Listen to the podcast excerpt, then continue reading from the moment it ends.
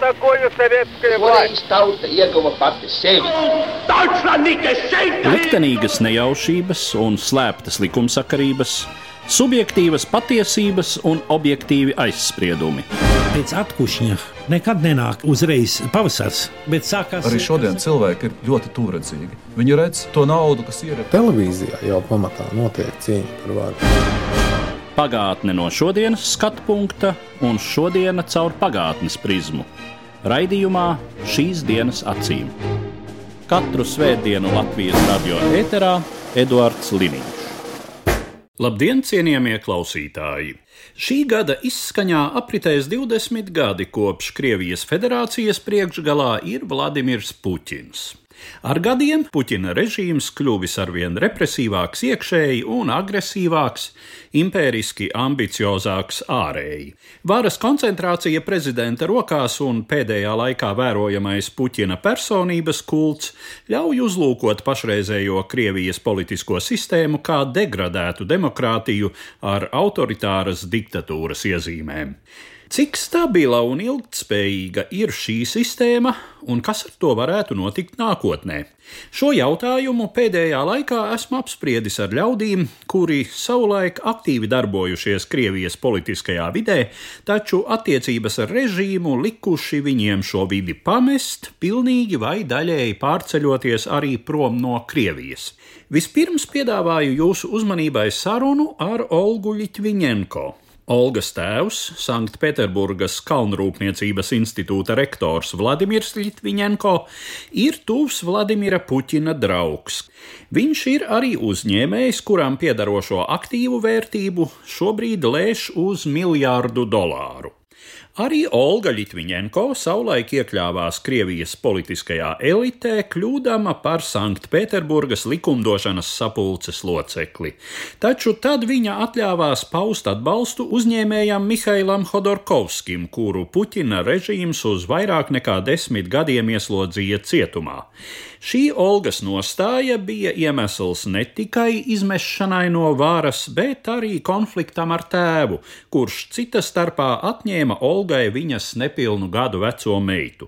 Nespējot panākt bērna atdošanu un saskaroties ar arvien lielākiem draudiem no pašas tēva puses, Olga pameta Krieviju un apmetās uz dzīvi Polijā. Mūsu sarunā ar Olgu Litviņenko piedalījās arī viņas tiesiskais pārstāvis, kādreizējais Polijas iekšlietu un administratīvo lietu ministrs, šobrīd neatkarīgais politiķis Rišards Kališs. Vispirms jautāju Olgai Litviņenko, ar ko izskaidrojams Puķina režīma acīm redzamais atriebīgums. К сожалению, вот могу здесь ошибаться в исторических данных, но вот э, это к теме Россия все-таки это Европа или Азия, да? Если какой-то вот там азиатский клан, да, побеждал другой, то этот клан должен быть полностью вот тот побежденный. Они там вырезали всех, начиная там от э, самых маленьких э, представителей, да. То есть вот э, это вот такой подход. Теперь говоря о персонале. Es diemžēl varu kļūdīties vēsturisko datu ziņā, bet šis attiec uz tēmu par to, vai Krievija ir Eiropa vai Āzija. Ja viens Āzijas klans uzvarēja citu, tad uzvarētie tika izkauti sākot no pašiem mazākajiem pārstāvjiem. Tā ir tāda pieeja. Ja runājam par Putina personību, tad šī brīža Krievijā tas viss tiek izcelts kā kaut kas ļoti labs. Man pašai gadījās rakstīt atsauksmi par rakstu, kas saucās Labie hulīši no pavārds. Un tā jau ir tā vide, no kurienes ir nācis Putins. Šobrīd tiek aktīvi propagandēts, ka mazās ielu bandas, kādā arī viņš piedalījās, ir kaut kas labs. Viņi drauģeļ no šādas bandas. Mēs taču visi saprotam, ar ko viņi tur varēja nodarboties. Viņi varēja gan slepkavot tantiņas, lai tiktu pie produktiem, gan kādu pavārtē nodurt. Tas patiesībā ir briesmīgi un ar to lepoties nedrīkst. No vienas puses, tā ir dziļi iestrādāta ģenētiska apziņa, tā sacīt senču balss. Otrakārt, tas ir kultūras trūkums, jo atriebīgums pirmām kārtām ir iekšēja intelekta un arī kultūras trūkums. Es domāju, neskatoties uz to, ka Putins ir iegūs augstāko izglītību, pozicionē sevi kā jurists, bet bērnībā bijis ielu bandā un ar to vēl lepojas, tad ziniet, principā te viss ir saprotams. Viņš vienmēr ir atriebies un atriepsies arī turpmāk. Tāds ir viņa dzīves kredo. Te mūsu sarunā iesaistās Rišards Kališs. Systemy takie autorytarne mają to do siebie, że taka główna osoba, w tym przypadku prezydent Putin, on musi uosabiać w sobie dla trzymania wszystkiego w ryzach jednoosobową dyspozycję polityczną. Czyli to on ma decydować, kto jest dobry. Šādām autoritārām, diktatoriskām sistēmām ir tā īpatnība, ka galvenajam cilvēkam, kas šajā gadījumā ir prezidents Putins, ir jāparāda savs iekšējais spēks, lai turētos ierindā un paliktu vienīgais politiskais komandieris. Viņam pašam ir jālemj, kurš ir labs Krievijas pilsonis, kurš nē. Vai reizomis to var darīt viņa vistuvāk pietuvināto lokus. Putina vara izvērš propagandu pret katru, kurš nostājas pret šo varu, pasludinot viņu par sliktu Krievijas pilsoni. Un, lai šo slikto būtu pēc iespējas mazāk un viņi nedotu piemēru citiem, viņiem ir jāatriebjas kā pašu valstī, tā aiz robežām. Un, ja kāds, kurš dzīvo ārzemēs, kā piemēram Olga, darbojas pret Putina varu, viņu arī neliks mierā. Šādu režīmu gadījumā tas ir normāli. Tā tas bija Staļina laikā, kad Trotska slepkavība tika organizēta Meksikā, tāpēc tikai Krievijas varas demokratizācija, Krievijas varas sistēmas maiņa var radīt cieņpilnu attieksmi pret katru cilvēku. Par sistēmas pamatu jākļūst cilvēkam, pilsonim, nevis tam augstākajam vadonim, kurš par visu lemj. Kamēr Putins un vara nesapratīs, ka viņi kalpo katram Krievijas pilsonim, nevis sev, viņi tā uzvedīsies. Господин министр говорит, что пока в России не будет демократии. Вот я здесь тоже, как вот все-таки российский политик, да, смотрю вот немножечко с другой стороны на этот весь вопрос. Мое личное мнение, к сожалению, вот еще мое поколение, поколение моих детей, я думаю, что мы никогда не увидим демократической России, потому что, опять-таки, да, во-первых, это культура правосознания и осознание самого себя как частью. Ministra kungs saka, kamēr Krievijā nebūs demokrātijas, es kā Krievijas politiķis skatos uz šo jautājumu no citas puses. Mans personīgais viedoklis, diemžēl, ir tāds, ka mana paudze un vēl manu bērnu paudze mēs nekad nepieredzēsim demokrātisku Krieviju, jo pirmkārt tā jau atkal ir tiesiskās apziņas kultūra. Ir nepieciešams apzināties pašam sevi kā šīs sistēmas daļu, bet ir skaidrs, ka Krievijas mentalitāte ir 70 gadi komunisma, pēc tam sauksim tā atpūsnis, kad cilvēkam tika dots šis brīvības apjoms, tika dota demokrātija, taču bez zināmās vēsturiskās, psiholoģiskās pieredzes šo brīvību neizturēja. Jo brīvība tie jau arī ir zinām ietvari, un šis cilvēks izrādās nezina, ko ar šo brīvību iesākt. Tas ir pats briesmīgākais, kas arī ir Jeļcina laika sindroms. Visi tos dēvē par trakajiem 90. Kāds šajā situācijā saskatīja iespēju taisīt biznesu, saskatīja iespēju attīstīties, bet citi saskatīja tajā kaut ko citu, tikai un vienīgi visatļautību. Bet šobrīd tie, kuriem ir 18, ir dzimuši Putina laikā un joprojām dzīvo Putina laikā. Viņi neko citu nav redzējuši. Par to es vienmēr saku, kā lai ieskaidro aklajām, ko nozīmē saule. Un tagad iedomāsimies, kritīs Putina režīms, bet ko iesāks tie jaunie ļaudis, kuri nav redzējuši neko citu kā vien diktatūru? Diktatūru tajā veidolā, kādā tā šobrīd ir pārstāvēta Krievijā. Es atgādināšu, ka ļaudīm Krievijā tiek iepotēts ne tikai vienkārši patriotisms, bet izteikti militāristisks patriotisms, un sabiedrības militarizācija allaž notiek tad, kad parādās režīma sabrukuma draudi. Mēs jau redzam, notiek protesta akcijas, tās tiek nežēlīgi izdzenātas, tātad ļaudis grib pārmaiņas. Bet visbriesmīgākais, manuprāt, ir tas, ka tad, kad ļaudis šīs pārmaiņas sagaidīs, atkal iestāsies šī 90. gadu situācija, kad cilvēks iegūs brīvību, demokrātiju un nezinās, ko ar to darīt. Особенно я переживаю о вот молодом поколении, которые, вот, как я говорю, кроме Путина, они не видели ничего и никого. И для них выборы, это вот норма выборов, это такая вот, как в России, да, все там традиционно голосуют за Единую Россию. А на самом-то деле все это по-другому. Но вот как бы я еще застала немножечко как бы вот те выборы, где хотя бы какая-то была конкуренция, Потом все это вот на моих глазах как бы уменьшалось и в конце концов просто превратилось в четкую разнарядку, да, как вот когда был штаб. Sevišķi es pārdzīvoju par jauno paudzi, kur izņemot Putinu, nav redzējusi neko un nevienu citu. Viņiem vēlēšana norma ir tāda, kāda tā ir Krievijā, kur visi tradicionāli balso par vienoto Krieviju. Es vēl piedzīvoju drusku no tām vēlēšanām, kurās bija vismaz kaut kāda konkurence. Tad tas viss man acu priekšā rāvās mazumā, līdz pārvērtās par striktu rīkojumu izpildi.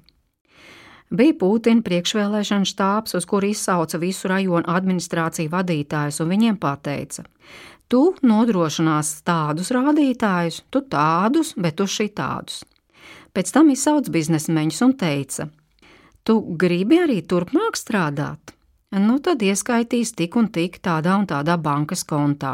Starp citu, var pieminēt labi zināmo Žeņu Prigožinu, troļu fabrikas radītāju. Neviens nekad nav uzdevis jautājumu, kā Žeņa Prigožins iepazinās ar Putinu. Es varu pastāstīt, Viņus iepazīstināja mans tēvs. Viņš pieveda Putinam klāt Prigožinu, kurš tobrīd nodarbojās ar restorāniem. Prigožins iemaksāja ļoti pieklājīgu naudas summu, ja pareizi atceros, otrās Putina vēlēšana kampaņas štābam un saņēma tiesības rīkot banketu par godu inaugurācijas ceremonijai. Tā aizsākās šī Putina pavāra karjera bet troļu fabrika arī dzima man tēva vasarnīcā, kad Žeņa Prigožins un mans tēvs, būdam lieliskās draudzīgās attiecībās, sprieda, kā varētu izmantot kā lētu darba spēku students no Kalnrūpniecības institūta, kurā tēvs ir rektors. Meklēja labus datoriķus, lai sāktu šo troļu fabrikas projektu. Jūs runājat par jauno paudzi, kurā pilsoniskās apziņas nozīmē ir akla, bet jūs taču pati esat labs piemērs tam, ka pat šādā vidē parādās opozicionāri, un Krievija jau tomēr nav tādā mērā noslēgta valsts. Jaunie ļaudis izbrauc un pat kādu laiku dzīvo ārzemēs, un viņi redz, ka tur ir citādas attiecības, Un kaut uz to pašu Ukrainu var paskatīties, ka tur ļaudis domā un rīkojas citādi. Понимаете, там все равно разница менталитета. Вот особенно если мы говорим о Западной Украине, она э, сколько находилась под влиянием той же Польши, да, как Польша всегда отличалась, скажем так, свободолюбием, да, поэтому все равно влияние Запада, оно колоссальное. Это я абсолютно здесь с вами согласна. Но учитывая тот факт, что, к сожалению, Saprotiet, tur tomēr ir mentalitātes atšķirības. Sevišķi, ja runājam par rietumu Ukrainu, kas ilgu laiku bija tās pašas polijas ietekmē. Un Polija alaži ir izcēlusies ar brīvības mīlestību, tāpēc rietumu ietekme tur ir kolosāla. Es šai ziņā ar jums esmu pilnīgi viensprātis, bet, diemžēl, tādu kā es, jaunās paudzes, kur braukā uz ārzemēm, dzīvo ārzemēs, mūs ir maz. Paskatieties, cik liela ir Krievija un cik ir to, kuriem pirmkārt ir finanses, lai aizbrauktu uz rietumiem mācīties vai vienkārši fiziski izbraukt no Krievijas. Mans viedoklis, diemžēl, ir tāds, ka tā ir daudz, daudz par maz, un tas viss vienalga turpināsies ļoti ilgi. Brīvība mīt cilvēkā, bet Krievijas mentalitātē šīs brīvības nav. Tā ir drīzāk psiholoģiska nekā politiska situācija. To, co pan redaktor powiedział, to jest prawda i tu nie do końca prawda. się z Olgą zgadzam. Ja... Rosjanie wyjeżdżający, młodzi ludzie e, do Polski, do Niemiec, do innych krajów demokratycznych, po kilku latach stają się demokratyczni. Czyli te wnętrze się bardzo szybko zmienia. Inaczej mówiąc, to wnętrze to nie jest takie, że ono zawsze się zmieni. Tas, ko saka pans redaktors, ir tiesa, un es pilnībā nepiekritīšu Olgai. Jaunie Krievijas ļaudis, kuri brauc uz Poliju, uz Vāciju un uz citām demokrātiskām valstīm, pēc dažiem gadiem kļūst par demokrātiem. Viņu iekšējā apziņa ļoti ātri mainās. Tātad nav tā, ka tas nekad nemainīsies. Šiem jaunajiem ļaudīm Krievijas federācijā Putins dod tādu kā injekciju. Ir jābūt hierarhiskai varas struktūrai. Bija cariskā Krievija, tagad ir Krievijas federācija, Putina vara tiek pozicionēta kā cara vara. Un tā nav vara uz māla kājām, tā ir varena valsts. Lai to apliecinātu, Putins anektēja Krimu, lai parādītu, ka tas, ko viņš uzskata par Krievijai piederīgu, ir šādi anektējams. Un tikai tad, kad šī vara sajutīs no apakšas kādu spiedienu, bet pati būs pietiekami gudra, lai šo procesu saprastu, Krievijā iestāsies demokratizācija un respekts pret cilvēku tiesībām. Es nedomāju, ka tas notiks tūlīt pēc Putina, jo Putins ir izveidojis varas aparātu no spēcdienestu pārstāvjiem, un viņiem ir citāda mentalitāte. Bet es minēšu Polijas piemēru. 80. gados Jaruzelska režīms, kas nāca pie varas 1981. gadā, bija totalitārākais, kādu vien var iedomāties. Pēc astoņiem gadiem šī vara sēdās pie apaļā galda ar spēkiem, kuri tobrīd vēl bija nelegāli. Tas noveda pie demokrātiskām vēlēšanām Polijā. Tas varēja notikt tāpēc, ka tajā pašā varā bija ļaudis, kuri saprata laika garu. Savukārt opozīcijā bija ļaudis, kuri saprata, ka tikai vienošanās ceļā iespējams mainīt sistēmu. Tāpēc es neteiktu, ka totalitāras vai autoritāras sistēmas nomaiņa ar demokrātisku nevar notikt. Protams, tas ir ilgs process. Un tas ir process, kurš nedrīkst novest pie pilsoņu kara situācijas. Jābūt sabiedrībai, kurā ir apziņa par to, ko nozīmē būt pilsonim, un arī zināmai totalitārās varas gudrībai. Varētu rezumēt tā: autoritārs vadonis var beigt tā kā Čaušesku Rumānijā, pielikts pie sienas un nošauts, vai tā kā Jaruzelskis Polijā, kurš kļuva par pirmo demokrātiskās polijas prezidentu, mierīgi aizgāja no varas un tika apglabāts ar ģenerālim pienākošos godu Varšavas panteonā. Tā kā Vladimir Putina padomā par Jaruzelska dzīves stāstu, lai tas tev daudz ko iemāca. Un paskaties arī uz Čaušesko likteni, lai arī tas tev kaut ko iemāca.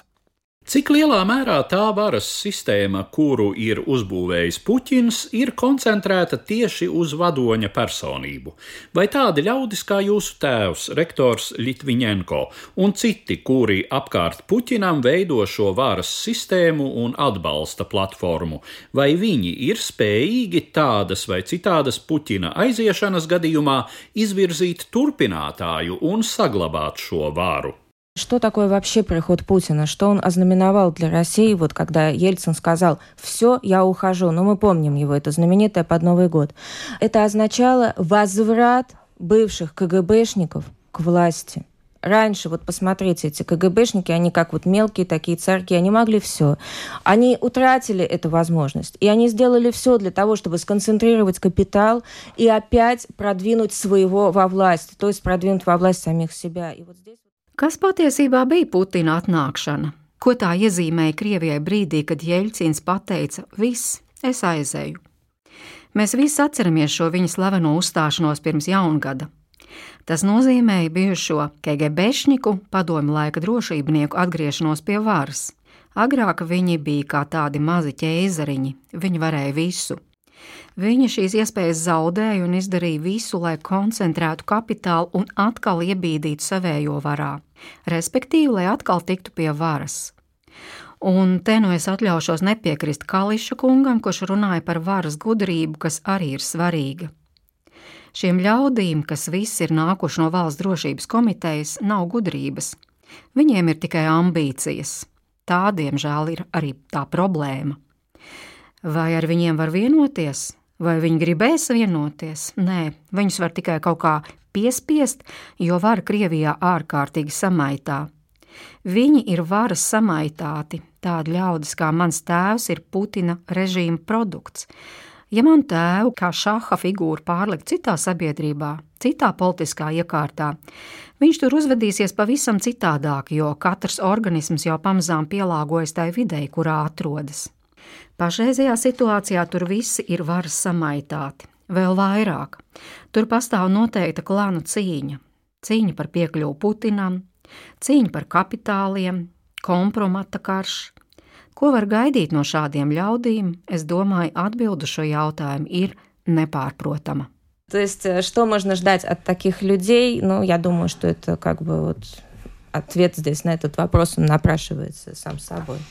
Šī bija mana saruna ar emigrācijā Polijā dzīvojošo bijušo Krievijas politiķi Olgu Litviņenko un viņas tiesisko pārstāvi neatkarīgo poļu politiķi Rišardu Kališu.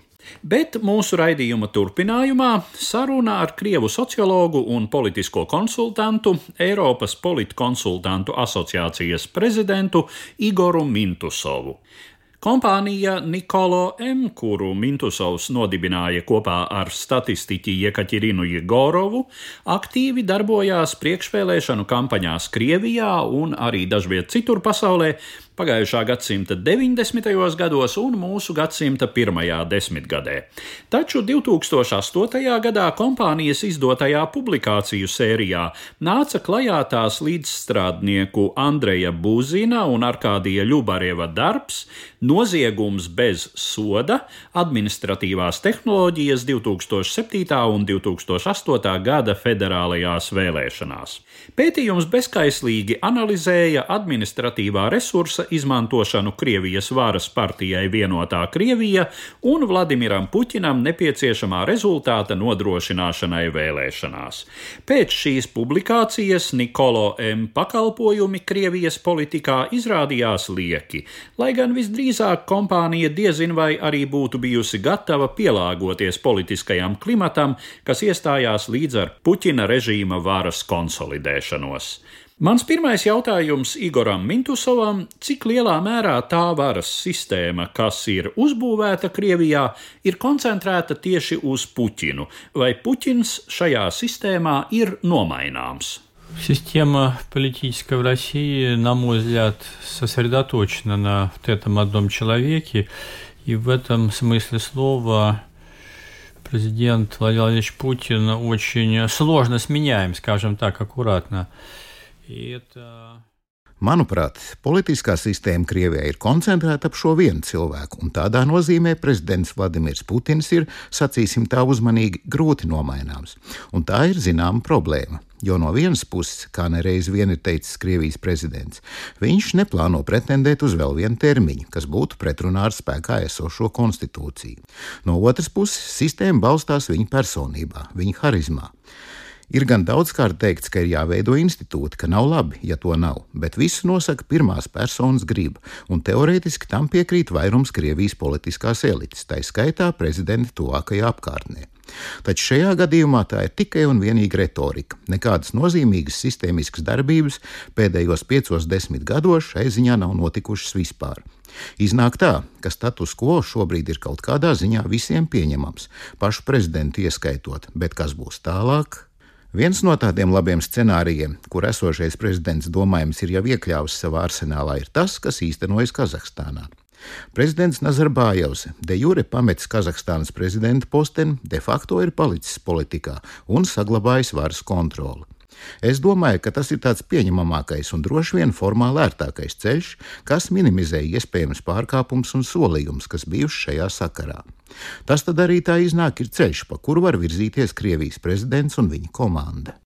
Tas patiešām šķiet visai ticams variants, bet cik ilgtspējīga ir pati šī sistēma? Вопрос о долговечности – это вопрос такой риторический, потому что ничто не ново под луной, то, что имеет начало, будет иметь конец, и все мы смертны и так далее. Здесь на этот вопрос очень э, сложно ответить афоризмом. Jautājums par ilglaicīgumu ir retorisks, jo nav nekā jauna šai pasaulē. Kam ir sākums, tam ir arī beigas, visi esam mirstīgi un tā tālāk. Uz šo jautājumu laikam gan ir ļoti grūti atbildēt ar aforismu. Pagaidām šī sistēma ir pietiekami stabila, pateicoties Krievijas prezidenta figūrai. Uz jautājumu, cik ilgi tas viss noturēsies, atbildes var būt pavisam vienkāršas. Proti, ka tas atkarīgs no valsts pirmās personas veselības stāvokļa, bet pagaidām es neredzu nozīmīgas pazīmes, ka šī sistēma drīz un ātri mainīsies. Zināmas vieglas stagnācijas tendences pieaug. Klimats rietumu bankām un uzņēmējiem pēc 2014. gada nav īpaši labvēlīgs. Tas ir viens faktors, un lai cik arī Krievijas valdības ekonomiskā bloka vadītāji nedaudzinātu laipni lūgt, laipni lūgt uz Krieviju ar savām investīcijām, tad apstākļos, kad vismaz daļa no ekonomiskajām tiesvedībām ir politiski motivētas, nekādus iespējamus izrāvienus es te neredzu. Otrais - nav nopietna ekonomiska reforma, struktūrālo reformu, tās pašas tiesvedības sistēmas pārveides, kas nav ekonomisks rādītājs, bet ļoti spēcīga ekonomika ietekmē. Tātad no vienas puses reforma trūkums, no otras puses esošais atbalsts pirmajai personai. Tas rada tādu hibrīdu stabilitāti. Es piedāvātu šādu terminu - hibrīdu stabilitāti. Daži politiskās sistēmas elementi ir ļoti noturīgi, bet citi nepārāk. Tomēr pagaidām stabilitātes elementi ir daudz vairāk nekā nestabilitātes elementu. Vai pašreizējo situāciju Krievijā kaut kādā mērā var salīdzināt ar situāciju Padomju Savienībā, kad arī bija viena vadošā partija un viens līderis? Es saprotu, ka tiesiskās sistēmas un ideoloģiskajā aspektā situācijas nav salīdzināmas, bet tomēr. Это сложный вопрос, потому что всякие исторические аналогии, как известно, они хромают. И Россия современно выросла, она не искусственным образом в пробирке как страна, а ее создавали те же советские люди, за плечами которых был и есть большой жизненный опыт, исторический опыт и так далее. И в это смысле слова Tas ir sarežģīts jautājums, jo, kā zināms, katra vēsturiska analoģija klibo. Mūsdienu Krievija kā valsts nav radusies mākslīgi mēģinē. To ir veidojuši tie paši padomi cilvēki, kuriem aiz muguras bija liela dzīves, liela vēstures pieredze. Ja vēlaties, šādā nozīmē Krievu cilvēku, Krievijas cilvēku identitāti. Tā balstās padomi cilvēku identitātē, bet no otras puses tā arī mainās. Teikt, kādā proporcijā notiek agrāk padomu periodā pastāvējušā translācija pašreizējā identitātē, laikam gan būtu pārāk vienkāršoti. Tiek translēti uzvedības modeļi, cilvēku un varas komunikācijas modeļi. Šie lielā mērā ir un paliek bāzes elementi, kur konstituē sabiedrības politisko un sociālo dzīvi. To visu var traktēt, kā saka, no vienas un no otras puses. Es šai ziņā neesmu gluži pesimists, bet saprotu, ka tas viss nenotiek īsā laikā. Cilvēku mentalitāte ir noturīga, un viņi uzvedas tāpat, kā uzvedušies pirms 50 gadiem. Pirms simts gadiem kāds teica tādu labu frāzi, ka Krievijā ik piecos gados viss mainās, bet simts gados nemainās nekas. Manuprāt, šeit ir dziļa doma, ka Krievijas ļaužu identitāte, kas ir veidojusies ne šodien un ne vakar, bet gan daudzu gadsimtu gaitā, attieksme pret varu, pret īpašumu formām, kādos kritiskos momentos par sevi atgādina. Pilsoņi, vēlētāji atnāk uz iecirkņiem un nobalso kaut kā laika biedram neizprotami. Vai tie notikumi, kas nesen risinājās Maskavā un Pēterburgā vietvaru vēlēšanu sakarā, protesti un varas neadekvāti skarbā reakcija, ļauj mums runāt par kādu jaunu attīstību, lielāku spiedienu no apakšas, aktīvākiem rūkšanas procesiem sabiedrībā? Я вижу здесь, наверное, два момента важных, на мой взгляд. Первое, власть начинает вести себя явно неадекватно в конкретной ситуации, которая не требует использования тех мер, которые власть использует, я имею в виду использование силовых структур, просто неадекватное действие власти.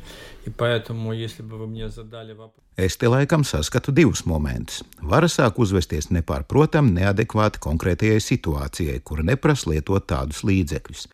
Spēka struktūra izmantošana ir vienkārši neadekvāta varas rīcība. Ja jūs man jautātu, kurš vai kas ir iemesls šiem mītīņiem un daudz desmit tūkstošu cilvēku sašutumam, kas ir to iniciators, man atbild būtu ļoti vienkārša.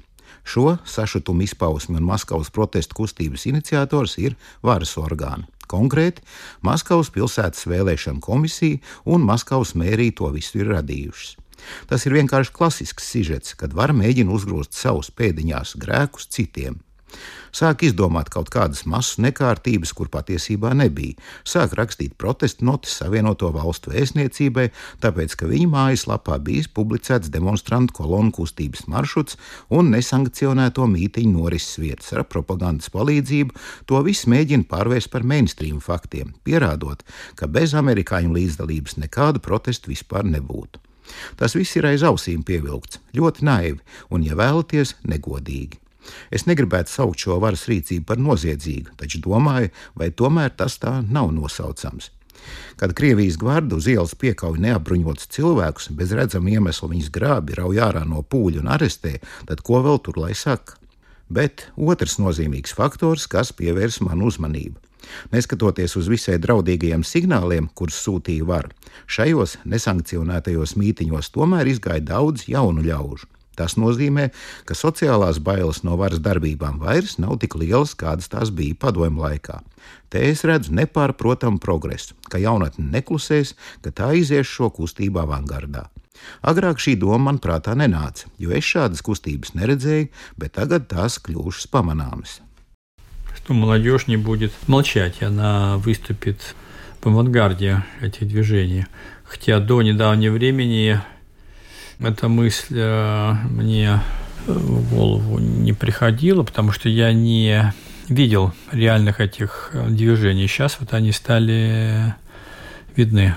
Līdz ar to izskan raidījums, kurā aplūkojām pašreizējo politisko režīmu Krievijā, kopš kura izveides sākuma, respektīvi prezidenta Vladimira Puķina nākšanas pie varas šī gada nogalē paies 20 gadu. Raidījumā dzirdējāt opozicionāro Krievijas politiķi, šobrīd politisko emigranti Olgu Litviņenko, poļu politiķi, eksministru Rišardu Kališu un krievu politologu un politkonsultantu Igoru Mintusovu. Uz redzēšanos, cienījamie klausītāji! Katru svētdienu Latvijas radio viens par pagātni sarunājas Eduards Līniju.